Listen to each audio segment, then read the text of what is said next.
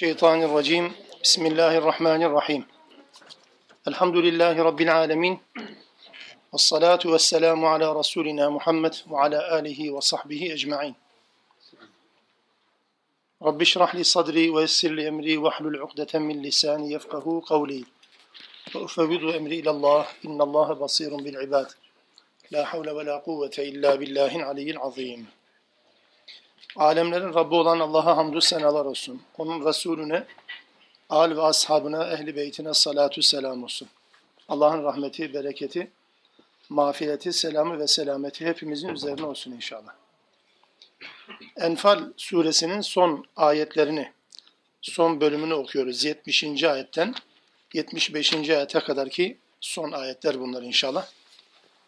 Böylece bir sureyi daha öğrenmiş oluyoruz. Rabbim amel etmeyi de lütfetsin inşallah. Ya eyyühen nebiyyü Ey peygamber Kul limen fi eydikum minel esra Elinizde olan esirlere savaştan söz eden bir bağlamda gelen ayetler bunlar. Elde ettiğiniz esirlere şunu söyle. İn ya'lemillahu fi kulubikum hayran Allah sizin kalbinizdeki hayrı bilse yani bunu gerçekten böyle hayırlı olduğunu bilse kalbinizde olanın, içinizdeki niyetinizin sağlam olduğunu bilse, buna dair bir ipucu, bir ışık görse, yu'tikum hayran mimma uhize minkum. Allah sizden fidye olarak alınandan daha hayırlısını, savaştan, esaretten kurtulmak adına sizden alınan fidyeden daha hayırlısını Allah size verecektir. Ve yagfir lekum ve sizi bir de bağışlayacaktır ahirette. Vallahu gafurur rahim. Allah gafur ve rahimdir. Savaş esirleriyle alakalı daha önceki dersin son ayetlerinde şöyle bir kural geçmişti. Peygamber yeryüzünde tamamen hakimiyeti elde etmeden esir alması doğru değil. Ya da ciddi anlamda bir sıcak çatışma, savaş olmadan tabir caizse bedavadan bir esir ve fidye elde etmesi uygun değil demişti. Şayet bu şartlar gerçekleşirse yani Peygamber aleyhisselamın ya da Müslümanların, ümmetin liderinin vermiş olduğu kararla yapılan bir savaştan sonra esirler ele geçirilirse esirlere dair bir uygulama. Tabi sadece uygulama bu ayetten ibaret değil. 70. ayetten ibaret değil esirlerle alakalı uygulama. Çünkü Muhammed suresinde de Kital diğer ismiyle Kital suresinde de esirlere yapılacak muamele esirlerin tabi tutulacakları muamele zaten belirtilmişti. Ya kimi esirler vardır ki e, fidye ile falan kurtulma imkanı yok. Yani infaz edilebilir. Kimi e, esirler vardır fidye ile serbest bırakılır. Kimi esirler var fidyesiz serbest bırakılır. Belki de kimi esirler var takas yoluyla serbest bırakılır. Bu ayrı bir konu ama burada 70. ayetin bize anlattığı şey e, bir Müslüman cemaatin yapmış olduğu mücadelenin neticesinde elde edilen esirler arasında İslam'a gönlü yatkın olan insanlar olabilir. Yani e, savaşa, Müslümanlarla yapılacak olan savaşa gönülsüz olarak katılmak zorunda kalmış olanlar olabilir. Mecburiyetten dolayı gelmiş olanlar olabilir. Böylesi insanlar için evet yani fidye alınsa e, ve herhangi bir bedel ödetilse bile Allah Teala dünyada onlarda daha hayırlı bir bedel. Bu ki nedir? Müslüman olmaktır. Yani hidayet yollarını bulmaktır. Allah onlara hidayet yollarını göstermek suretiyle onların ödediği fidyeden çok daha hayırlısını verir. İkincisi de kıyamette Allah'ın huzuruna geldikleri zaman Müslüman olmanın neticesinde Allah Teala onları bağışlayacaktır. Geçmişte işledikleri günahlar ya da Müslümanlara silah çekme şeklinde Müslümanlara yönelik plan ve programın içerisinde olma biçimindeki hatalarından dolayı Allah Teala onları bağışlayacaktır. Dolayısıyla e, esirler arasında İslam'a meyilli olan insanlar olabilir her zaman için. E, savaşa razı olmayan, zorla gelenlerin yanı sıra belki ilk fırsatta e, Müslümanlara karşı savaşacak düşmanlar da olabilir. Hepsi olabilir esirler içerisinde. E, fidye vermek bu tip insanlara zor gelir genelde. Ama Müslüman olanlar hem dünyada kazanıyor, yani Müslüman olmak suretiyle hem de ahirette kazanıyor. Bu e, bir örnek verecek olursak mesela e, Abbas, Peygamber aleyhissalatü vesselamın amcası e, Müslüman olduktan sonra bu ayete atıfta bulunarak yani Allah size sizden alınan fidyeden çok daha hayırlısını verecektir ve mağfiret edecektir diye bu ayeti kullanarak yani olumlu anlamda bunu söylüyorum. Bu ayete atıfta bulunarak diyor ki Allah bana maddi olarak ödediğim fidyeden daha fazlasını lütfetti. Çünkü Bedir Savaşı'na gelinceye kadar da Abbas müşrikler arasındaydı. E, ajanlık yapmak anlamında değil. Yani hicret etmemişti, edememişti. E, Müslüman gibiydi ama tam Müslüman gibi olmamıştı. Bedir'e müşriklerle birlikte Müslümanlara karşı savaşa da katılmak zorunda kalmış. Hatta esirler arasındaydı. Hatta Hazreti Peygamber onu iyice bağlayın demişti. E, ondan biraz daha iyi bir tuzlu bir fidye alalım anlamında böyle bir şey de yani en azı iltimas yok. Peygamber amcasına biraz iltimas geçti denmesin diye. E, o anlamda kendisinden bu fidye de alındı ama gönlünde İslam'a yatkındı. Zaten potansiyel olarak buna hazırdı. E, öyle diyor bu e, Hazreti Abbas Müslüman olduktan sonra diyor ki Allah bana maddi olarak ödediğim fidyeden daha fazlasını lütfetti. Yani Müslüman olduktan sonra Allah Teala ganimet yoluyla şunlar bunlar vasıtasıyla dünyevi anlamda çok daha mükemmel olan nimetler lütfetti. Ama ikinci vaadi gelince ki Allah Teala ne dedi? Yağfir lekum. Allah bağışlayacak sizi dedi. E, o ikinci vaadi de günahlarımı bağışlamaktı. E, onu da ahirette Rabbimden umuyorum dedi. Bu tür insanlar bütün dönemlerde, bütün zamanlarda e, olabilecektir. Bu ayeti kerime sadece e, Bedir'le alakalı, sadece Abbas'la alakalı değil. Zaten Abbas'la alakalı olması için söylemedim bunu. Bir örnek olsun, anlaşılsın diye söylüyorum. Kıyamete kadar gelebilecek olan e, bir örnektir. Böyle örnekler her zaman var olacaktır. Müslümanların onlara bu imkanı tanımalarına yönelik bir uyarıdır. Bu 70. ayet-i kerimede bir e, önemli nüansı da e, hatırlatmakta fayda var. İfade genelde okuyup geçiliyor ama bu ayetin doğrudan anlamıyla alakalı değil ama özellikle bir e, önemli mesaj olması hasebiyle bir şey hatırlatayım. E, ayet-i kerime ya yuhen nebiyyü ey peygamber diye başlayan bir ayet-i kerime fakat hemen daha sonraki cümlede aslında peygambere hitap edilen bir cümlede sen diye cümle devam etmesi lazım normalde. Sen diye devam etmesi lazımken قُلْ لِمَنْ فِي اَيْد۪يكُمْ Sizin elinizde olanlar, senin elinde olanlar değil. Ayetin sonuna kadar siz şeklindeki zamir kullanılıyor. Sen şeklindeki zamir değil de siz şeklindeki zamir kullanılıyor. Bu e, cümlede bir bozukluk olduğundan dolayı değil. Ya bu doğrudan sadece Hazreti Peygamber'in şahsını ilgilendiren bir hüküm olmadığını ifade eden bir cümledir. Kur'an-ı Kerim'de bunun çok da örnekleri var.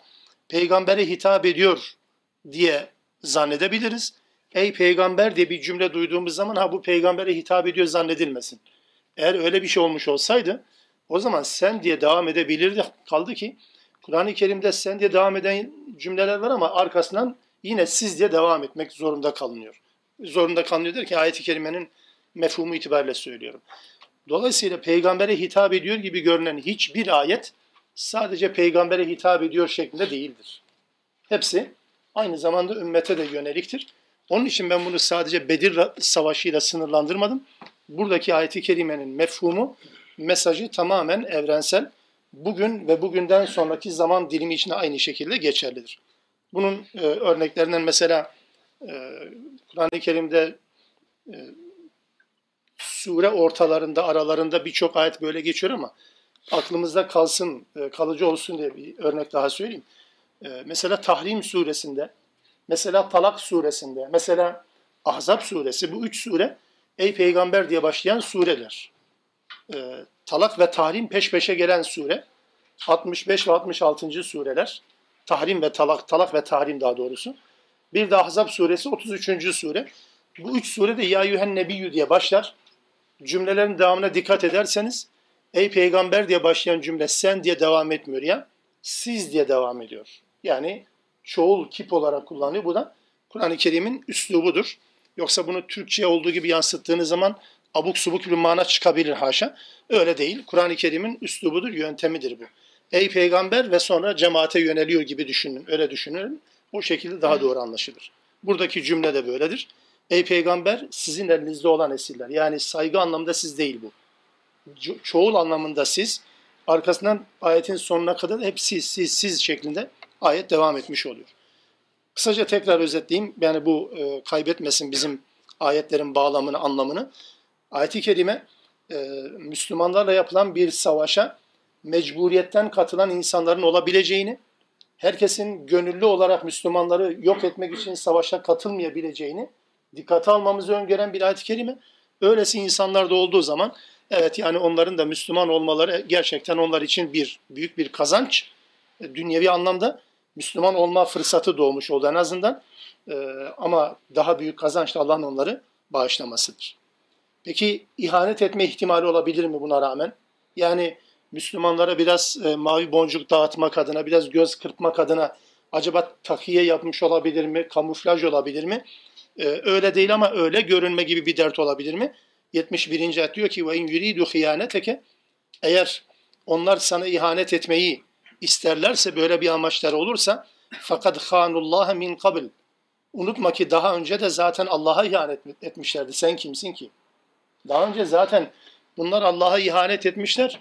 Allah'a ihanet edenin insanları ihanet etmesini e, şokla karşılamayın. Anormal karşılamayın. Bu normaldir zaten. Fakat devamında diyor ki فَاَمْكَنَ minhum Böyle ihanet edenlere, Allah'a ihanet edenlere Allah Teala da onlara karşı Müslümanlara bir imkan verdi. Yani onları yok etme yönelik, onları e, tamamen e, etkisiz hale getirme yönelik Müslüman bir cemaate, ümmete de Allah Teala imkan verdi. İhanetlerini Allah Teala e, böyle seyirci kalarak geçiştirmedi. E, onların yaptığı ihanetin bedelini Müslümanlar vasıtasıyla ödetti. Vallahu alimun Allah bilendir, hakimun ve hüküm sahibidir. Burada e, özellikle arkadaşlar e, Müslümanlara bu ayet-i kerime esirlerin e, esir olarak alınan bu insanların zahiri beyanları neyse onu o şekilde kabul etmelerini öneren bir ayet-i kerimedir. Yani zahiren ne beyan ettiler? Biz Müslümanız, biz Müslüman olmak istiyoruz dedikleri zaman bir Müslümanın yok yok senin niyetin kötü, biraz papuç pahalı o yüzden anladın sen o yüzden biraz kendini farklı göstermeye çalışıyorsun gibi bir yoruma mail etmemizi engelleyen bir ayet-i kerimedir. Böyle bir düşünceler olsa bile siz e, vehme kapılarak bunlara güvenilmez, bunlara inanılmaz diyerek baştan bunu engellemeyin, kesip atmayın. E, o dışarıdan görünen beyanlar, açıklamaları olduğu gibi kabul etme zorunlular. Onların gizli niyetlerinden e, şüphe ederek e, Müslümanlar kararsız kalmamalıdır. Yani bunların gizli niyetleri var mı yok mudur diye şüphe ederek her şeye şüpheyle, vehimle, evhamla bakarak e, onlara yapılabilecek bir iyiliğe engel olmaması lazım. E, yani bunlar evet ihanet edebilirler. İhanet etmeler her zaman mümkün. Bu ortaya çıksa bile Müslümanları esirlere karşı güzel bir muamelede bulunmaktan, böyle bir davranışı ortaya koymaktan alıkoymamalıdır. Vehim, zan üzerinden bu gidilmez. Yani vehme, vehm dediğimiz yani komplo, sürekli komployla yaşamak. Yok yok bunlar iyi niyetli değil kesinlikle biz biliyoruz bunları şeklinde. Bu ortama gelinceye kadar da zaten tanıyorduk. Dolayısıyla ihanet ediyorlar şeklinde. Vehim ve ihtimale dayanarak bu insanların hakları, hukukları en azından Allah'ın onlara vermiş olduğu hak ve hukukları çiğnenemez. Bunun meşruiyeti söz konusu değildir. Hatta bu yönüyle e, mesela e, savaş ortamlarında bile savaş ortamlarında bile e, diyelim ki e, tam savaşın kızıştığı bir bağlamda e, düşman tarafından birisi e, Müslümanın kendisini e, öldürmek üzereyken Müslüman kendisini öldürmek üzereyken dese ki ben Müslüman oldum. Yani tetiğe tam basacaktı veya kılıcı, kılıcımı çekecekti tam öldüreceği bir sırada e, dese ki ben Müslüman oldum Allah Teala öyle bir ortamda bile Müslümanlığını e, ilan eden bir kişinin e, Müslümanlığını kabul etmemizi emreder ve onun öldürülmesi durumunda da işlenen şeyin cinayet olduğunu en azından diyet ödenmesi gerektiğini beyan eder. Nerede? Nisa suresi 94. ayet-i kerime. Bakın barış ortamında birisinin bu cümleyi söylemesinden bahsetmiyorum. Savaş ortamındasınız.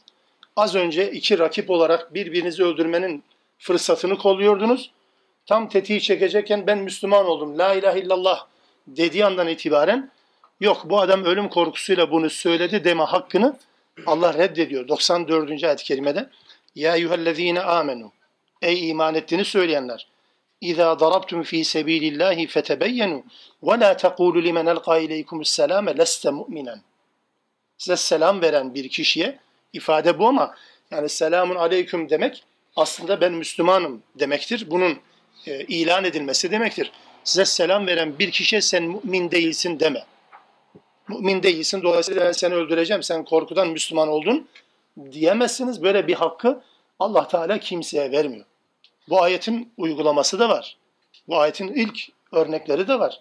Tam savaş ortamında e, böyle birisinin Müslüman olduğunu söylemesine rağmen sahabe-i kiram öldürüyor. Hatta bir örnek değil birkaç örnek de var bunun. Öldürünce Hazreti Peygamber'e de yani iyi bir şey yaptığını zannediyor ama aynı zamanda bir de şüphe var. Kuşku içerisinde kalıyor. Diyor ki ya Resulallah valla böyle birisi vardı öldürdüm. E diyor ki yani la ilahe illallah diyen birisini böyle dediği halde nasıl öldürdün? Ama ya Resulallah o korkudan öyle dedi. Peki dedi sen kalbini yarıp baktın mı onun dedi. E, yok ya Resulallah dedi. Arkasından Peygamber aleyhissalatü vesselamın üzüldüğünü fark etti. Çünkü bu cümleyi defalarca tekrar etti açıkça. Yani la ilahe illallah diyen bir insanı buna rağmen öldürdün öyle mi? Buna rağmen öldürdün öyle mi diye mırıldandı peygamber. Üsame bin Zeyd diyor ki bu işi yapan Üsame bin Zeyd Diyor ki ben bu cümleyi peygamberden duyduktan, bu kadar eleştirisini duyduktan sonra şöyle geçirdim içimden diyor. Hissini bize e, ifşa ediyor. Diyor ki dedim ki keşke ben bugünden önce Müslüman olmasaydım. O kadar ağırıma gitti diyor. Peygamber o kadar eleştirdi ki. Peki şimdi savaş ortamında birisi ben Müslümanım dediği zaman onu kafir niyetiyle, kafir muamelesine tabi tutarak öldürmek yasaklanıyorsa barış ortamında nasıl yapacaksınız? Bu Allah'ın kendisine vermiş olduğu bir haktır. Bu hakkı başka kimse vermiyor arkadaşlar. Onun için Müslümanlar kitabı yaşamayınca, yani kitaba bağlı olarak yaşamayınca, kitabın yorumları üzerinden din yaşayınca maalesef birbirimizin kanına girebiliyoruz. Bakın bu ayetler ve bu ayetlerin peygamber hayatındaki uygulamaları, yansımaları budur. Savaş ortamında bile sen Müslüman değil değilsin deme hakkını vermiyor. E barış ortamında zaten olmayacak. Bellidir. Onun için yani birisi teslim oldu, birisi e, barış içerisinde bir hayat yaşamayı murad etti, birisi savaş ortamından sonra ya dedi ben tamam yani savaşa geldim ama e, beni zorla getirdiler. Ben e, bana fırsat verseniz yok kardeşim şimdiye kadar aklın neredeydi senin? Sen ölüm korkusuyla bunu yaptın deme hakkın yok. İslam bunu özellikle önümüze bir ilke olarak kor. Tabi daha önceki derslerden de hatırlayalım. Yani bu şu anlama gelmiyor. Müslümanlar saf saf davranıp e, kendi kendilerinin avlanmalarına da zemin hazırlasın anlamına değil. Tedbirini alacak ayrı bir konu. Ama herkesin kalbinde geçeni tespit etme gibi bir hastalık, bir vehimdir, bir hastalıktır gerçekten. Bunu yapmayın diyor Allah Teala. Ya bile bunları ihanet ettiler ama Allah Teala onlardan intikamını bir şekilde elbette alacaktır. İnnellezine amenu. Bu ayetten sonra 72. ayetten surenin sonuna kadar yani 4 ayetlik uzunca ayetler bunlar. 4 ayetlik bölüm içerisinde tabir caizse velayet konusu işleniyor. Yani kim kiminle velidir, kim kiminle veli değildir. Bu veli kelimesinin de e, dost anlamında olmadığını, kullanılmadığını da belirteyim. E, Kur'an-ı Kerim'de e, bu anlamdan ziyade yani dost anlamından ziyade e, veli kelimesi e, birini söz sahibi kabul etme, birinin söylediklerini kendi hayatı için geçerli kabul etme, sözü geçerli olma anlamındadır. Velayet budur. Kur'an-ı Kerim'in üzerinde durduğu velayet, yani Müslümanların birbirleriyle alakalı velayeti de budur. Müslümanlara yasaklanan velayet de budur. Yoksa dostane ilişkiler, beşeri ilişkiler, münasebetler falan değil, yasaklanan o değildir. O anlamda bu dört ayet kim Müslümanlar için kim velidir, kim değildir. Veya bir başka ifadeyle Müslüman kimi veli edinebilir, kimi veli edinemez, edinmemeli. Bunun tartışıldığı ya da anlatıldığı dört ayet okumuş olacağız. İnnellezîne amenu iman edenler ve haceru hicret edenler ve cahedu bi emvalihim enfusihim fi sebilillah. Allah yolunda mallarıyla ve canlarıyla cihat edenler, gayret edenler. Sadece savaş değil bu. Sadece savaş değil cihat. savaşta içerisine al ama savaşla sınırlı değil bu kelime. Allah yolunda cihat edenler, malları ve canlarıyla cihat edenler. وَالَّذ۪ينَ آوَوْا وَنَسَرُوا Müslümanlara bağırlarını açanlar, onları bağırlarına basıp yardım edenler, barındıranlar, ve nasaru yardım edenler. İşte ulaike bunlar, böyle özelliğe sahip olan Müslümanlar, ba'duhum evliyâ ba'd, birbirlerinin velileridirler. Veli budur. Veli sadece Müslüman e, olmakla biten bir konu değil, aynı zamanda gerektiğinde hicret etmek, gerektiğinde cihad etmek, gerektiğinde barındırmak, gerektiğinde yardım etmektir. İman etmek de bunu gerektirir.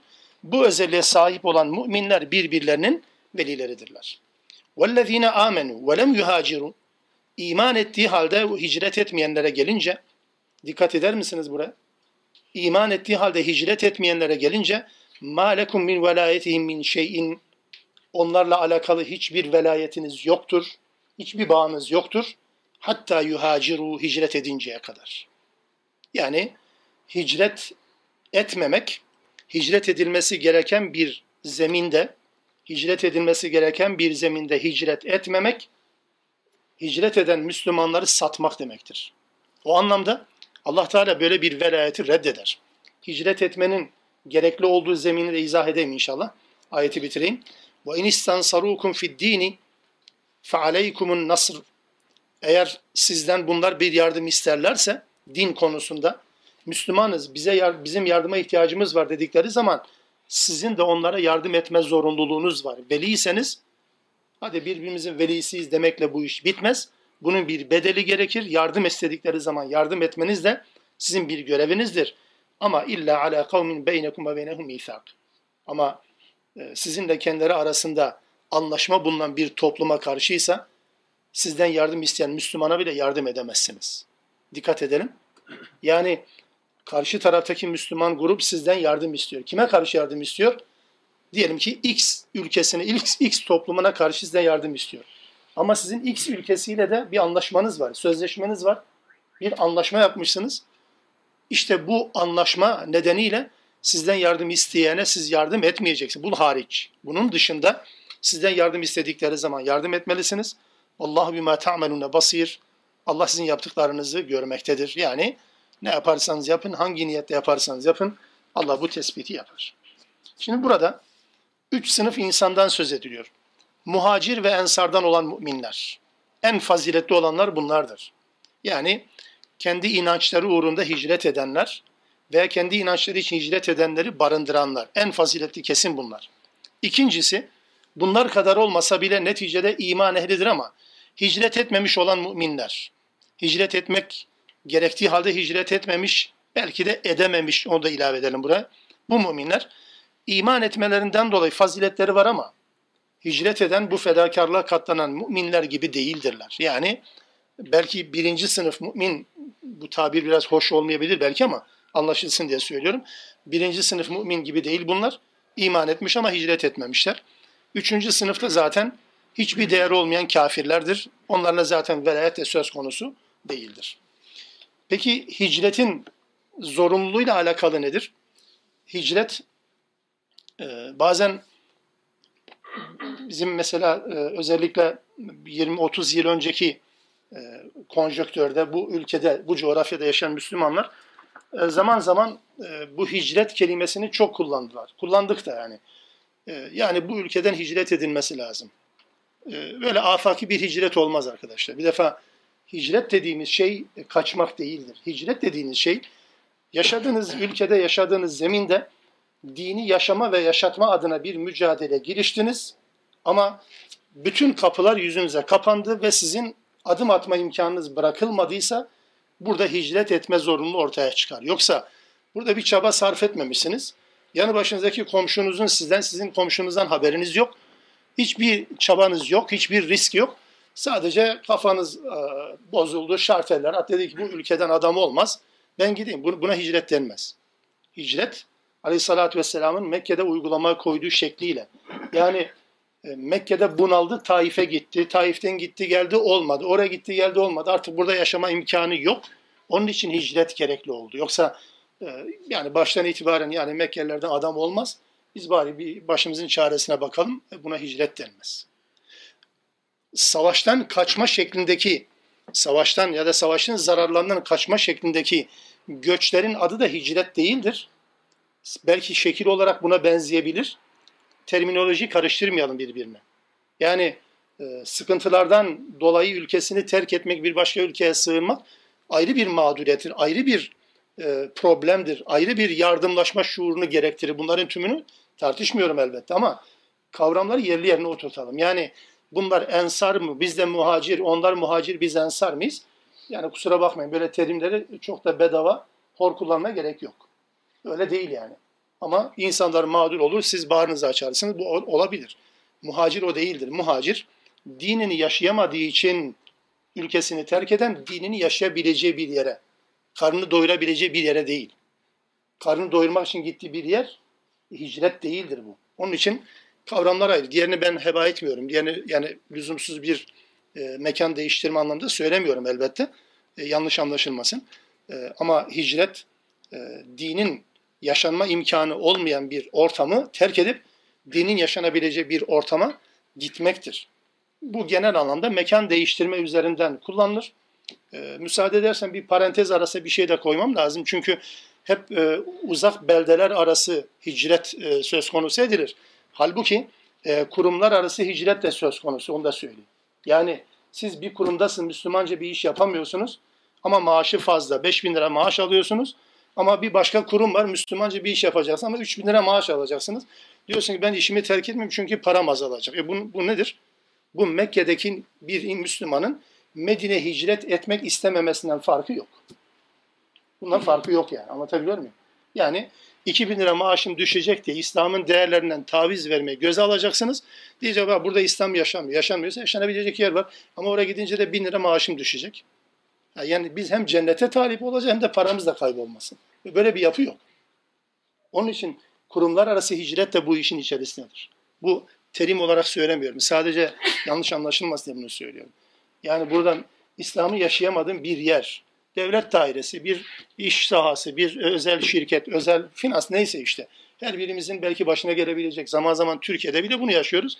E tamam yani namaz kılmana müsaade etmiyorlarsa başka bir mekan tercih et. Senin burada Müslümanca bir iş yapmana müsaade etmiyorsa başka bir mekan tercih et. Ama buraya tamah edip yani buranın parası fazladır diye tamah edip orada çakılı kalmak e, Müslümanca yaşama imkanı olan yeri e, reddetmek anlamına gelecektir. Hicretin bir de işin bu yönü var yani. E, parantezi kapatayım. Burada özellikle e, hicret konusu üzerinde durarak Allah Teala dedi ki kimisi iman edebilir ama hicret etmez. Yani e, ne demek bu? Müslümanca bir e, hayatı yaşayabileceği bir zemin var. Bunu biliyor, tanıyor. Aslında gittiği zaman o da Müslümanca bir hayat yaşayacağını biliyor. Buna rağmen, bakın iman ehli bu. Buna rağmen orada kalmayı tercih etti. Sizin onlarla bir velayet ilişkiniz yoktur. Ta ki hicret edinceye kadar. Dostluğu bırakın değil. Alakanızı kesin değil. Bu değil. Ya velayet hakkınız yoktur. Yani arkadaş olabilir, dost olabilir ama veli değildir. Sizin ona, onun size bir söz söylediği zaman bağlayıcılığı yoktur. İki, samimi Müslümanın birbirlerine yönelik sözlerinin bağlayıcılığı gibi bunların arasında bağlayıcılık yoktur. Niye? Çünkü iman ettiğini söylediği halde hicret etmemiş. Allah'ın dinine küfredilen bir ortamda kalmayı tercih etmiş. Hicret edinceye kadar sizin onlarla bir velayetiniz yoktur. Dolayısıyla e, buradaki velayetle alakalı özellikle dostluk olmadığını yeniden hatırlatayım. Müslümanların birbirlerine saygı duymaları, birbirlerinin işleriyle ilgilenmeleri, birbirlerine yardımlaşmaları e, hatta e, tarihsel anlamda bunun yaşandığı ilk dönemde e, bu bir kural halinde değil. Yanlış anlaşılmasın. E, Müslümanlar birbirlerinin velisi, bir, beraberinde birbirlerinde varisi oluyorlar. Anlatabiliyor muyum? Yani e, yakınlığı anlat, anlat, anlatabilmek için bunu söylüyorum. Yani Müslümanlar birbirlerine veli oldukları zaman o kadar e, yani dostluğun ötesinde bir şey birbirlerine varis olma durumu da söz konusu. Tarihin ilk dönemlerinde yani İslam tarihi Hazreti Peygamber döneminde Ensar Muhacir kardeşliğinde bu vardı. Ee, insanlar birbirlerine varis olacak duruma kadar getirmişlerdi. O kadar e, yani e, diyelim ki Abdurrahman bin Avf e, işte Saad bin Muaz'dan, Saad bin Ubada Hazreti Osman'dan habersiz bir iş yapmaz, ondan habersiz bir iş yapmaz.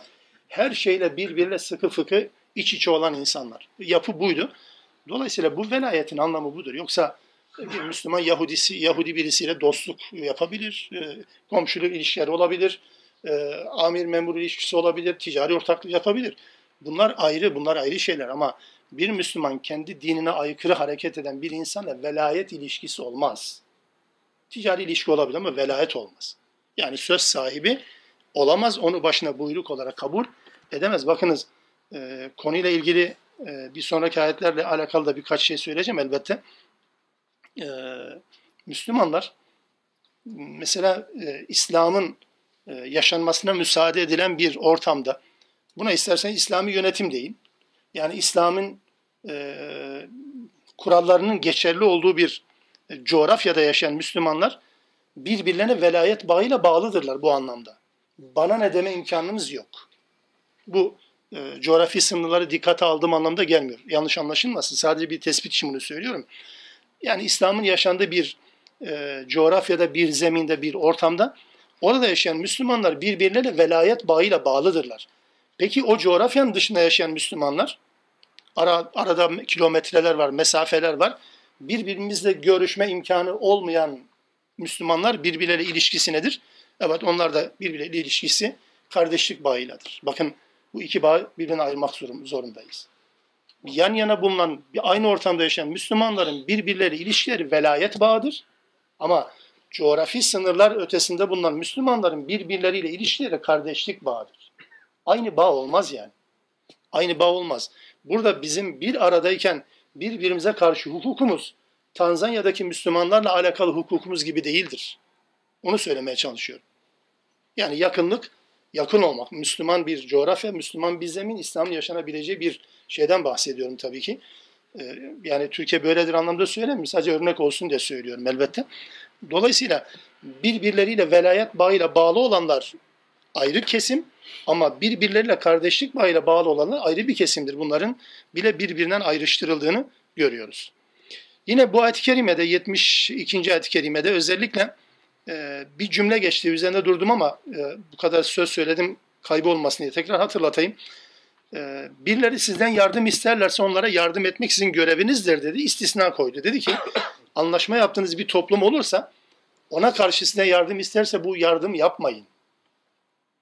Anlaşmalı olduğunuz topluma karşı sizden yardım isteniyor. Gelin Müslümanlar bize yardım edin falan ülkeye saldıracağız.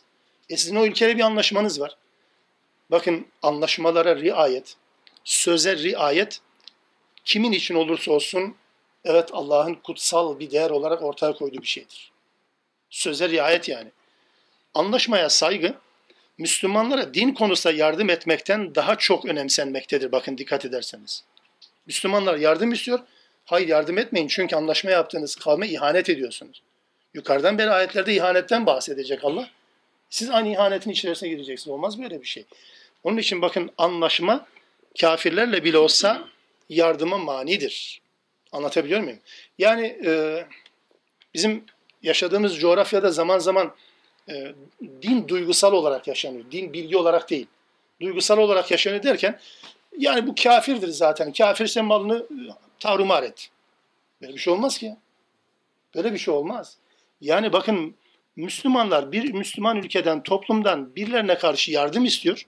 Yardım istediği kişi, karşısına yardım istediği kişi gayrimüslim bir toplum. Ama diyor ki sen onunla anlaşmalıysan anlaşmayı bozma. Müslüman yardım isteğini geri çevir. Çünkü anlaşmayı ihanet etme hakkın yok. Anlatabiliyor muyum? Bu çok enteresan bir örnek anlatılır. Ee, birisi Müslüman olmadan önce Yahudilerle bir anlaşma yapmış. Demiş yani ben hiçbir zaman size karşı bir savaşın içerisinde almayacağım, tarafı olmayacağım. Ee, yani size ihanet etmeyeceğim. Gün gelir Müslüman olur. Hazreti Peygamber'e bu verdiği sözü hatırlatır. Der ki, Ya Resulallah ben Müslüman oldum ama e, şu anda kendileriyle savaşmak için hazırlık yaptığımız bu kesime de ben böyle bir söz vermiştim. E, ne dersin dediği zaman aleyhissalatü vesselam ne dedi biliyor musunuz? Elemana ihtiyacın olduğu dönemde dedi ki, git sözünde dur dedi. Peki o zaman yani kafir bir kurum, kafir bir patron, kafir bir ülke, kafir bilmem ne. Bunlarla siz bir anlaşma yaptıysanız, bir anlaşma ile işe başladıysanız o anlaşmanın maddelerini riayet etmek zorunda. Bu kafirdir diye onun malını tarumar etmek ganimet olarak görmek ve değerlendirmek hakkımız yok bu anlamda. Bu ayet-i kerime bize biraz da bu anlamda bir ufuk açıyor. Tekrar o cümleyi söyleyeyim. Sizden din konusunda birilerine karşı yardım isterlerse o Müslümanlar yardım edin. Ama sadece kendilerine anlaşma yapmış olduğunuz bir kavme karşı sizden yardım isterlerse o yardımı yapmayın. O yardım yapma hakkınız yok. Anlaşmaya sadakat Müslümanların istediği yardımı göndermekten çok daha önemlidir. Allah sizin yaptıklarınızı görmektedir. وَالَّذ۪ينَ كَفَرُوا بَعْضُهُمْ اَوْلِيَاءُ بَعْضٍ Kafirler birbirlerinin velisidirler. Kafirle Müslüman birbirinin velisi olmaz. Kafirle Müslüman birbirinin dostu olabilir. Arkadaş olabilir, tüccar ortak olabilir ama bakın kafirle Müslüman veli olmaz. Veli kavramını tekrar gündeme getirdi. Velayet hakkı ancak kafirle kafir arasında olur. İlla tef'aluhu tekun fitnetun fil ardı ve fesadun kebir. Eğer siz bunu yapmazsanız, yani kafirlerin birbirleriyle velayet ilişkisi gibi siz Müslümanlar, müminler birbirinize veli olmazsanız eğer, birbirinize veli olmazsanız yeryüzünde büyük bir fesat kopar. Yeryüzünde büyük bir anarşi ve kaos ortaya çıkar. Bir fitne ortamı ortaya çıkar. Eğer siz bu velayeti gerçekleştirmezseniz, kafirlerin kafirlerin sizden öğrenmesi gereken bir şey, kafirler birbirlerini hiçbir zaman bırakmıyor yardımsız. Siz birbirinizi yardımsız bırakırsanız, kafirlerin yaptığı velayeti siz yapmanız gerekirken yapmazsanız, yeryüzünde büyük bir fitne ve büyük bir fesat ortaya çıkar. Bu yönüyle Kur'an'a baktığımız zaman e, velayetin yasaklandığına dair bazı ayetleri hatırlatayım sadece. Mesela e, Ali İmran 28. ayet-i kerimede Allah Teala der ki La yettehizil mu'minûnel kâfirine evliya min dûnil mu'minin. Kim? Sakın ha müminler kafirleri veli edinmesinler. Müminleri bırakıp müminleri bırakıp kafirleri veli edinmesinler. وَمَنْ يَفْعَلْ ذَٰلِكَ فَلَيْسَ مِنَ اللّٰهِ ف۪ي شَيْءٍ Kim bunu yaparsa Allah'la hiçbir bağ yoktur. Müminleri bırakıp kafirleri başa buyruk kabul etmek, onların sözlerine değer verecek bir yapı ortaya koymak Allah ile irtibatın kopma nedenidir der Allah Teala. Yine mesela Nisa 139. ayet-i kerimede اَلَّذ۪ينَ يَتَّخِذُونَ الْكَافِرِينَ اَوْلِيَاءَ مِنْ دُونِ الْمُؤْمِنِينَ اَبْتَغُونَ عِنْدَهُمُ الْعِزَّةِ فَاِنَّ الْعِزَّةَ لِلّٰهِ جَمِيعًا Kafirler yani onlar kafirleri, müminleri bırakıp kafirlerin veli ediniyorlar. Eğer bunu düşünüyorlarsa izzeti onların yanında arıyorlar demektir. Çünkü birinin gücünden dolayı birine yamanmak mümkün olabilir. Oysa izzetin tamamı Allah'a aittir. Mesela Maide 51. ayet-i kerimede Ya eyyühellezine amenu la tettehidul yehude ve nasara evliya. Yahudi ve Hristiyanları veli edinmeyin. Dost edinmeyiniz değil. Veli edinmeyiniz. Yani başa buyruk kabul etmeyiniz. Onların onların özellikle söylediklerini ciddiye alıp da hayatınıza çeki düzen vermeyiniz. Dost olabilir ama veli olamaz bunlar. Onlar birbirinin velisidirler. Yine mesela Maide 57. ayet-i kerimede Ey iman edenler, ey iman ettiğini söyleyenler. La tettehidü'llezîne ettehadû dînekum huzuven ve la'iben minellezîne utul kitabe min kablikum vel kuffâra evliya. İster ehli kitaptan, ister diğerlerinden. Sizin dininizi oyun ve eğlence yerine koyanları da veli edinmeyiniz. Bakın sadece kafirler değil. Kim olursa olsun dininizi oyun ve eğlence haline getirenleri de veli edinmeyiniz. Veli edinme hakkınız yok. Bunu da bilin. Yine mesela Tevbe 23. ayet-i kerimede Ya eyyühellezine amenu Ey iman ettiğini söyleyenler. La tettehizu abâkum ve ihvânekum evliya in istahabbul kufra alel iman. Babalarınız veya kardeşleriniz bile olsa ötesi yok bunun değil mi? Babalarınız ya da kardeşleriniz bile olsa küfrü imana tercih ettikleri sürece onları veli olarak kabul edilmeyin. Babanız olabilir, kardeşiniz olabilir. İyilikle geçinebilirsin, geçimlerini sağlayabilirsin. Bakımını yapabilir. Bu ayrı bir konu. Ama onları bir Müslüman olarak, başınıza buyruk olarak kabul etme hakkınız yok. Hele ki babanız bile olsa, kardeşiniz bile olsa küfrü imana tercih ediyorsa mesele bitmiştir. Bu e, öyle bir noktaya geliyor ki arkadaşlar, mesela evlilik konusunda, e, evlilikte de bu velayet söz konusu. İslami bir bütün halinde, sistemi bir bütün halinde dikkate aldığımız zaman şöyle bir sonuç ortaya çıkıyor. Ailede aile reisliğini Allah Teala e, insanlık tarihinden itibaren Adem'e vermiştir. Yani erkeğe vermiştir. Aile reisliği demek e, istediğimi yaparım anlamına gelmiyor malum. Yani aile yönetme işi bir organizasyonsa bu organizasyon yöneticisini Allah Teala erkek olarak belirlemiştir. Arizi durumlar, istisnai durumlardan bahsetmiyoruz. Bu olabilir, hadi bir konu.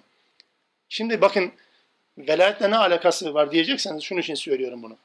Allah Teala Müslüman bir erkeğin Müslüman bir erkeğin Yahudi ve de Hristiyan bir kadınla ama iffetli olmaz, olması şartıyla. İffetli bir Yahudi kadın olur mu? Tabii olur. Müslümanlardan çok daha iffetli Yahudi kadınlar ve Hristiyan kadınlar var. Yani Müslüman olduğunu söyleyen iffetli gibi yani e, kadınlardan daha iffetli Yahudi Hristiyan kadınlar var. İffetli olması, gizli dost edinmemesi şartıyla bir Müslüman erkek Yahudi ve Hristiyan bir kadınla evlenebilir. Niye? Çünkü evde velayet erkeğindir. Bakın erkekte velayet erkeğe ait olduğu e, ailede e, velayet erkeğe ait olduğu için İslam bir kadının velayetini erkeğin eline veriyor. Hristiyan Yahudi bir kadın ama tersi yok. Yani bir Yahudi erkek ya da bir Hristiyan erkek bir Müslüman kadınla evliliği caiz değil, haramdır, yasaklanmıştır. Nedir? Bu da velayet konusudur. Çünkü koca olarak Yahudi ve Hristiyan bir erkek hanımına emredecek ve yerine getirecek. Allah Teala bu sistemi reddediyor zaten. Ama tersi bir Müslüman zaten Yahudi ve Hristiyan bir kadında kadından e, yani insani olmayan bir şey isteyemez zaten. Hatta dini değiştirmesini de zorlayamaz zaten, zorlamayacak da. O açıdan yani evlilikte bile bu velayetin hisleri, izleri görünüyor. O açıdan e, velayet tamamen dostluktan farklı bir şey. E, başa buyruk kabul etmek söz sahibi. Mesela e, bundan sonra gelecek olan Tevbe suresinde münafıkların birbirlerinin velisi olduğu anlatılır. 67. ayet-i kerimede. E, uzatmayacağım ama 71. ayet-i kerimede müminler erkek ve kadınlar da birbirlerinin velisidirler. Şimdi deminden beri veli veli diyoruz da mümin, müminin velisi ise ne getirir ne götürür. Yani tamam ben senin veliyim, sen de benim veli. Tamam birbirimize velisi olalım. Öyle değil. Bu velayet bir bedel, bir yaptırım gerektirir. Mesela Tevbe 71 diyor ki vel mu'minune vel mu'minat. Mümin erkekler ve mümin kadınlar. Ba'duhum evliya'u ba'd. Birbirlerinin velisidirler. Yani bitti mi yok. İki nokta üst üste. Bunlar ne yapar? Ye'murune bil ma'ruf. İyiliği emrederler. Ve yenhevne anil münker. Birbirlerine münkeri nehyederler. Gördükleri kötü, çirkin şeyleri alıkoymaya çalışırlar. Ve yukimûne sala. Namazı dosdoğru kılarlar. Ve yutûne zeka. Zekatı verirler. Ve yuti'ûne Allah ve Resulü. Allah ve Resulüne itaat ederler. Ulaike seyerhamuhumullah. İşte Allah'ın merhamet edecekleri kimseler de bunlardır.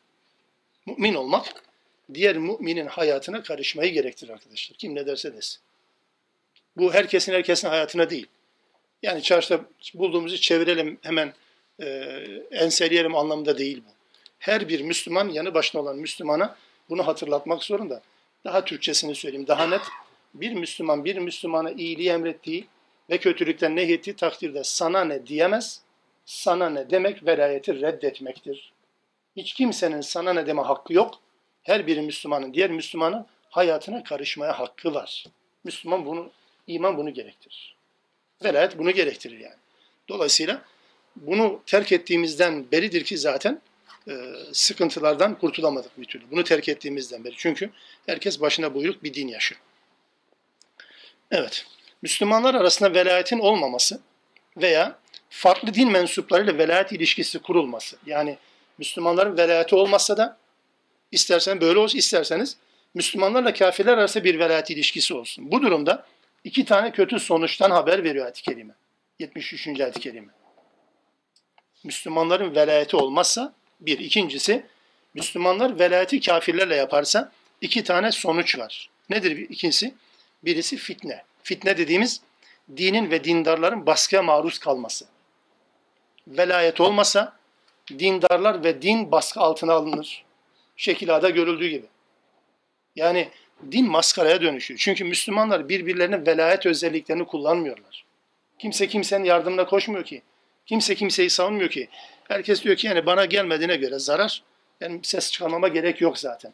Siz bu velayetin gereğini yerine getirmezseniz fitne olur. Fitne, Türkçedeki fitneden bahsetmiyoruz tabii ki. Fitne, baskı demektir burada. Sosyal düzenin, şey dinin ve dindarların baskıya maruz kalması anlamında kullanıyor. İkinci sonuç ne peki? din ve dindarlar baskı altına alınır eğer velayet gerçekleşmezse. İkinci sonuç ve fesadün kebir dedi. büyük bir fesat, kargaşa. Bu fesat nedir? Aslında sosyal düzenin bozulmasıdır. Sosyal düzenin bozulması. Yani hani kıyametin kopmasının bir şekli diyebilirsiniz buna. Sosyal düzen bozulur. Çünkü kimse kendi görevini yerine getirmiyor anlamına gelir. Velayetin yerine getirilmemesinin anlamı bu. Sosyal düzen bozulur. Dolayısıyla Müslümanlar ellerindeki imkanları, sahip oldukları imkanları ve her gün, her geçen gün geliştirdikleri bu imkanları, yani sizin baktığınız yerden nasıl görünüyor bilmiyorum. Benim baktığım yerden ben konuşuyorum. Düşüncem böyle. Yanlış diye nitelendirebilirsiniz ama Müslümanların her geçen gün gelişen bu imkanları, sahip oldukları bu imkanları, fırsatları gerçekten bir diğer Müslümana karşı mı kullanıyoruz? Yoksa küfre karşı mı kullanıyoruz? Bu ciddi anlamda kafada soru işaretler oluşturuyor. Aslında soru işareti değil, açık ve net zaten. Yani dün e, zavallı durumda olan, imkanlar olmayan Müslümanlar birbirlerine sıkı sıkı sarılıyorlardı. Şimdi imkanların haddi hesabı yok. Müslümanlar bu imkanları birbirlerini iyi bitirmek için çarşur ediyorlar. Bakın isterseniz yani herkesin konuştuklarına bakın, herkesin gündemlerine bakın. Herkes bir diğerini ötekileştirmeye çalışıyor. Güç elde ettikçe, bu güç bilgiyle olabilir, bu güç parasal olabilir, bu güç statü olabilir, bu güç iktidar da olabilir, fark etmez. Birisi güçlerini diğer cemaati sıfırlamaya çalışıyor. Yapı bu. Fesat bundan ortaya çıkıyor bakın. Müslüman birbirlerinin velisi olur. Yani e, İslam düşmanlarıyla uğraşacakları yerde, İslam düşmanlarının sesini kesmek için çaba sarf etmeleri, plan üretmeleri gerektiği yerde bir Müslüman diğer Müslümanın sesini kesmeye çalışıyor. Yani tabiri caizse velayetin tersini yerine getiriyor. Allah Teala diyor ki siz birbirinize veli olun. Yok bizimkiler kafirlerle veli oluyor. Yani kafirlere İslam düşmanlarına gösterdiği müsamahanın onda birini yanı baştaki Müslümana göstermiyor. Niye? Çünkü tonu farklıdır. Cemaati farklıdır. Onun derneği cemaat tabelası farklı çünkü. Ya böyle bir yapı var. E burada olduğu zaman da bu iki sonuç bizi bekleyecektir. Baskı, fitne ve fesat. Sosyal düzen bozulacaktır Din ve dindarlar da baskı altına alınacaktır. Bu velayetin gerçekleşmemesinin e, en tehlikeli sonucu da budur. Allah Teala bizi bununla uyarıyor. Ayet 74. وَالَّذ۪ينَ آمَنُوا وَهَاجَرُوا وَجَاهَدُوا فِي سَب۪يلِ اللّٰهِ وَالَّذ۪ينَ آوَوا وَنَصَرُوا İman edenler, imanla birlikte hicret edenler gerektiğinde, cihat edenler, Allah yolunda gayret gösterenler, savaş değil tekrar hatırlatayım. Cihat kelimesi sadece savaşı e, anlatmıyor. E, ama yanlış yapmayalım. E, cihat savaş değil, değil o anlamda söylemiyorum. Cihat savaşta içerisine alan ama savaşla birlikte bütün gayretleri, bütün çabaları içerisine alan bir kavram. Savaş da içerisinde ama gayretlerin tümü değil. Hatta fıkıhta biz ne diyoruz? İçtihat diyoruz. İçtihat. İçtihat da bu kelimedir. Yani gayret göstermek, çaba sarf etmektir. Allah yolunda çaba sarf eder iman edenler ve hicret edenler. وَالَّذ۪ينَ آوَوا وَنَصَرُوا Gerektiği zaman Müslümanları barındıranlar, yardım edenler ulaike humul mu'minune hakka. İşte bunlar gerçekten müminlerdir. Mu'minune hakka. Hakiki. Birinci kalite desem herhalde yanlış anlaşılmaz. Çünkü bu kelime bize bunu anlatıyor. Belki Türkçe'de tam karşı yok ama mecburen o cümleyi kullanıyorum. Gerçek hakiki mümin işte bunlardır. Lehum mağfiretun ve rizkun kerim. Ee, onlar için gerçekten bir bağışlanma var. Bu ne anlama gelir? Mağfiret var diye hatırlatıyor Allah Teala niye? Yani gerçek mümin olmak hata işlememek anlamına gelmiyor. Hata işleyebilir. Allah'ın mağfireti söz konusu. Çünkü bilerek ve ısrarla olmaz bu günah. Bir de Allah Teala tarafından bir rızık, bir geçimlik de Allah Teala tarafından vaat ediliyor. Bu hakka kelimesi, bu özellik e, diğerlerinin mesela hicret etmeyenlerin imanlarının geçersiz olduğunu elbette anlatmıyor. Yani hicret etmeyen kişinin mümin olmadığını anlatan bir cümle değil. Anlatabiliyor muyum? Yani iman edip hicret edenler hakiki müminlerdir derken diğerleri mümin değil anlamına gelmiyor. Ama gerçekte var olsa bile ispat edilmediğini, başkalarına göre varlığının şüpheli bulunduğunu ifade eder. Yani e, çünkü iman e, eğer bir iddia ise arkadaşlar bu iddia ispat gerektirir. Bu ispatında değişik zamanlarda, değişik zeminlerde ve kişilere göre farklılık arz ettiğini hatırlatalım yeniden. İman iddianız varsa bu iman iddianızın ispatı gerekir. Ne zaman? İnfak etmek söz konusu olduğu zaman infakla. bedenle söz konusu olduğu zaman bedenle, sözle, konuşmayla alakalı olduğu zaman sözle. Ama her halükarda mutlaka bu iddianın ispatı gerekir. Onun için e, bunu yapanlar gerçekten hakiki müminlerdirler. وَالَّذ۪ينَ آمَنُوا مِنْ بَعْدُ وَهَاجَرُوا وَجَاهَدُوا ma'akum fe ulaike minkum.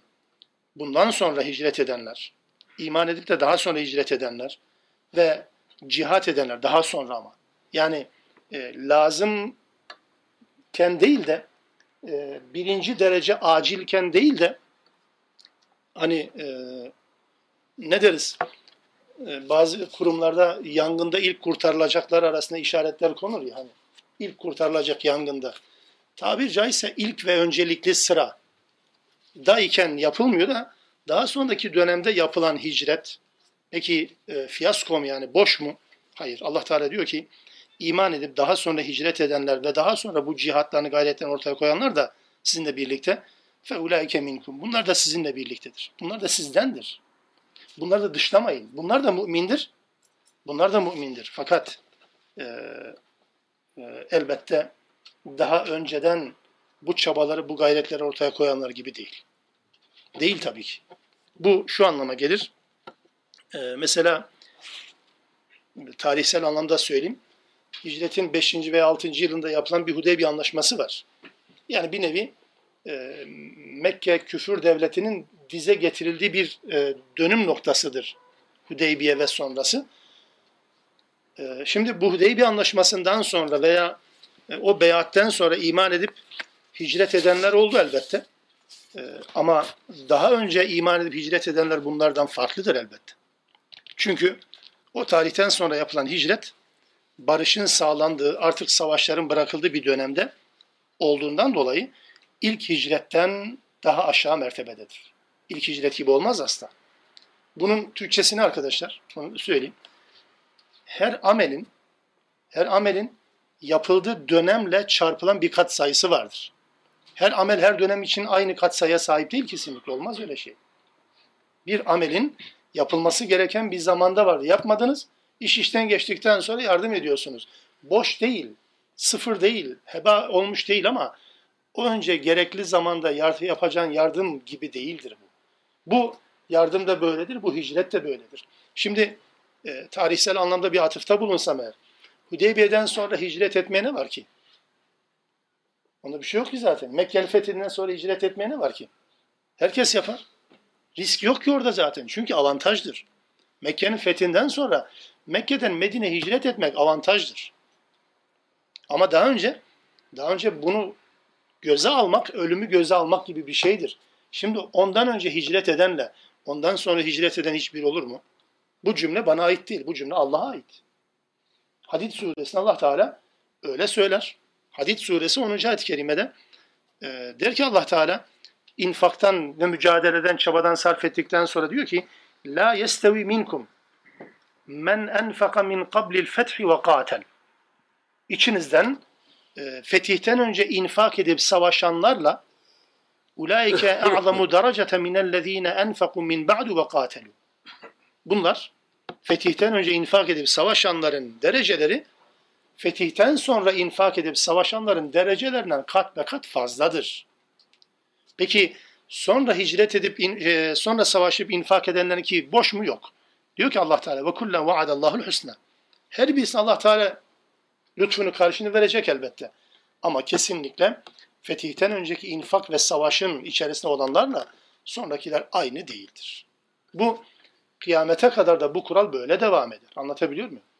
Bu kural her zaman böyle devam eder. Yani 28 Şubat döneminde Müslüman olarak dik duranların durumuyla 2016'da İslam'ın prim yaptığı bir dönemde dik durmanın bir anlamı yok. Aynı değil yani. Aynı olmaz. Yani e, vakıf ve derneklere üye olmak için yarışın yapıldığı bir dönemde Müslümanlık göstergesi bulunmak herkesin kârıdır. 28 Şubat döneminde yanından geçmeye korkuyordunuz. Korkuyordu birileri.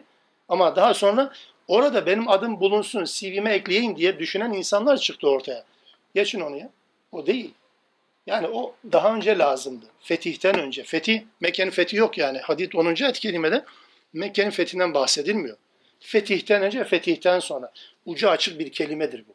Bunu isterseniz şöyle diyeyim. Fetih kelimesi Arapça anlamı açmak demektir. Ben şöyle tercüme edeyim. Açılımlardan önceki mücadele biçimiyle açılımlardan sonraki mücadele biçimi aynı değil. Başörtüsünün yasaklandığı dönemde direnen bir Müslüman kadınla başörtüsünün serbest olduğu, başörtülü bakanların olduğu dönemde başörtüsüne sahip çıkma aynı değil. Kesinlikle aynı değil yani. Onun için e, her bir amelin yapıldığı zeminle, yapıldığı şartlarla doğrudan çarpanı vardır, kat sayısı vardır. Bu yönüyle Allah Teala evet dedi yani onlardan sonra hicret edip iman edenler de sizdendir. Fakat kesinlikle diğerleri gibi değil olmaz da zaten. Olmaz. Çünkü her birinin yaptığı iş aynı gibi görünse de çarpan aynı değil. Bu günahlarla alakalı da böyle değil mi? Günahlarla alakalı da böyle değil miydi? Yani e, mesela zina haramken değil mi? İhtiyarın zinası daha büyük bir haram değil miydi? Ya da komşuyla zina çok daha büyük öte haram değil miydi? Allah Resulü bunu söylemedi mi? Ya da mesela e, ibadet etmeyi anlatırken, ibadet edenleri överken Allah Resulü bir de gençlerin ibadetini anlatmaya çalışıyor. Bu aynı değil. Aynı değil tabii ki. Aynı olmadığı için Allah Resulü gençlerin hayatını, ömrünü ibadetle geçirmesinden bahseder. Onun için e, her ibadet, her eylem e, aynı şartlarda aynı katsayı, aynı sonucu vermiyor. Son birkaç cümle de inşallah ezandan sonra söylemeye çalışalım. Evet, Bismillah. Bu 75. ayet-i kerimede özellikle daha sonra iman eden, daha sonra hicret eden, daha sonra cihat edenler de sizinle birlikte olanlar, onlar da fevlaike minkum sizdendir. Ama zamanlama farklı olduğundan dolayı e, asıl olması gereken zamanda değil de işler gevşedikten sonra, risk faktörü ortadan kalktıktan sonra böyle bir ortama gelmelerinden dolayı elbette diğerleri gibi değerlendirilmez. Hatta meşhur bir hadis de e, genelde e, bazen yanlış, bazen eksik anlaşılan bir hadis. Aleyhissalatü vesselam diyor ki fetihten sonra hicret yoktur. Fetihten sonra hicret yoktur ne demek? Yani Mekke'nin fethinden sonra artık kıyamete kadar hicretin kapısı kapalı. Bundan sonra hicret hicret değil anlamında değil bu. Burada söylenen şey arkadaşlar özellikle hicret etmenin avantaja dönüştüğü zamanlarda hicretin avantaja dönüştüğü, hicret etmenin prim yaptığı dönemlerde hicret etmenin anlamsızlığını ifade ediyor. Yoksa daha sonraki zamanlarda hicret olsa bile bu hicret sayılmaz anlamına gelmez. Yani fetihten sonra hicret yoktur derken kastedilen budur. Ondan sonra hicrete gerek yok ki. Önce lazımdı. Önce lazımdı. Sonra bunun adına hicret denmez. Bunun adına başka bir şey denir. Onun için bunların tümünü bir arada değerlendirmek lazım. Ee, buna rağmen dışlamayı gerektirmez bu. Fakat diğerleri gibi aynı seviyeye koyma imkanımız bu anlamda yok. Bütün bunlara rağmen ayet-i kerimenin devamında şöyle bir cümle kullanıyor. Bunu da e, unutmayalım bu kadar velayetten söz edildikten sonra çünkü surenin son ayetinin son cümlesi son cümlesi sayılır bu. Ve ulul arhami ba'duhum evla bi ba'din fi kitabillah. Rahim sahipleri yani sılay rahim dediğimiz nedir? Akraba. Akraba olanlar, aynı rahimden gelenler, birbirlerine akraba olanlar elbette Allah'ın kitabına göre, Allah'ın yasasına göre diğerlerine göre birbirine daha yakındırlar. Cümle dikkat edin bu kadar velayetten, müminler arasındaki velayetten söz ettikten sonra burayı da ıskalamayın diyor Allah Teala. Öncelikle kim kime karşı sorumlu? Öncelik akrabalar birbirine karşı sorumludur. Bu sorumluluğun birinci derecesi budur. Özellikle e, akraba olan müminler, birbirleriyle akrabalık hukuku olan müminler ilgi konusunda, yardımlaşma konusunda ve de dayanışma konusunda diğerlerinden çok çok çok daha önceliklidir. Her zaman için bu böyledir. E, velayetin, müminler arasındaki velayetin işlendiği bir ortamda bu cümle e, bizi e, farklı bir noktaya da götürür. Bütün müminler arasındaki velayet evet hak doğru fakat hiçbir zaman müminlerin akraba olan müminlerin birbirlerine karşı sorumlulukları gibi değildir. Benim yabancı olan birine karşı sorumluluğumdan önce yakınlarıma olan bir sorumluluğum vardır. Her gün görüştüğüme karşı sorumluluğum ayda bir akraba anlamda söylemiyorum bunu. Yani yabancı kişi olarak anlaşılsın diye söylüyorum. Her gün görüştüğüme karşı sorumluluğum ayda bir görüştüğüme karşı sorumluluğumdan önceliklidir elbette. Kilometreler ötede televizyonda varlığını haberdar varlığının haberdar olduğum insana karşı sorumluluğum ile sesini, cemalini, endamını gördüğüm, duyduğum insana karşı sorumluluğum aynı değil tabii ki. İslam öncelikleri bu anlamda e, bizden daha farklı değerlendirir, farklı düşünür. E, yani e, akraba e, yardım konusunda, e, akraba gözetme konusunda, akraba iyiliği emretme konusunda, akraba kötülüğü nehyetme konusunda yabancıdan çok daha önceliklidir. Hatta e, öyle ki e, zaman zaman bunları hatırlatıyorum. Mesela Tevbe suresi Allah Teala diyor ki yakın düşmanlarınızla savaşın. Uzak düşmanlarınızla savaşma gerek yok.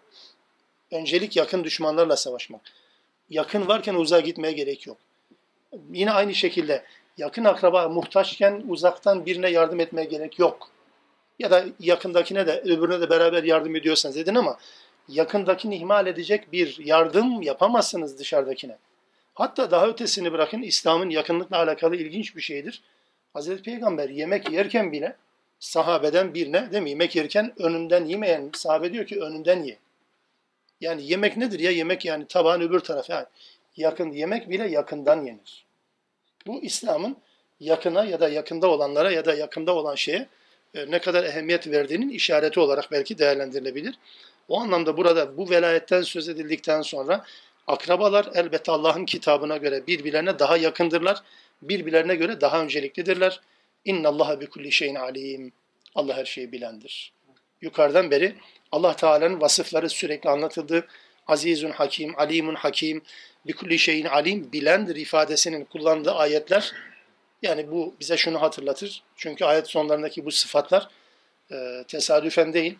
Yani burada alim değil de hakim deseydi olmaz mıydı? Olmazdı arkadaşlar. Bu Allah'ın bilgi sıfatını ön plana çıkardığına göre bunu siz düşünseniz de böyle tespit edemezsiniz. Bildiğiniz gibi değil. Ancak bunu Allah bilir. Allah'ın bildiğini biz de bu şekilde öğrenmiş oluyoruz bildirmesi suretiyle. Rabbim e, amel etmeyi lütfetsin inşallah. Subhaneke Allahümme bihamdik. Eşhedü en la ilahe illen testağfiruk ve etubu ileyk.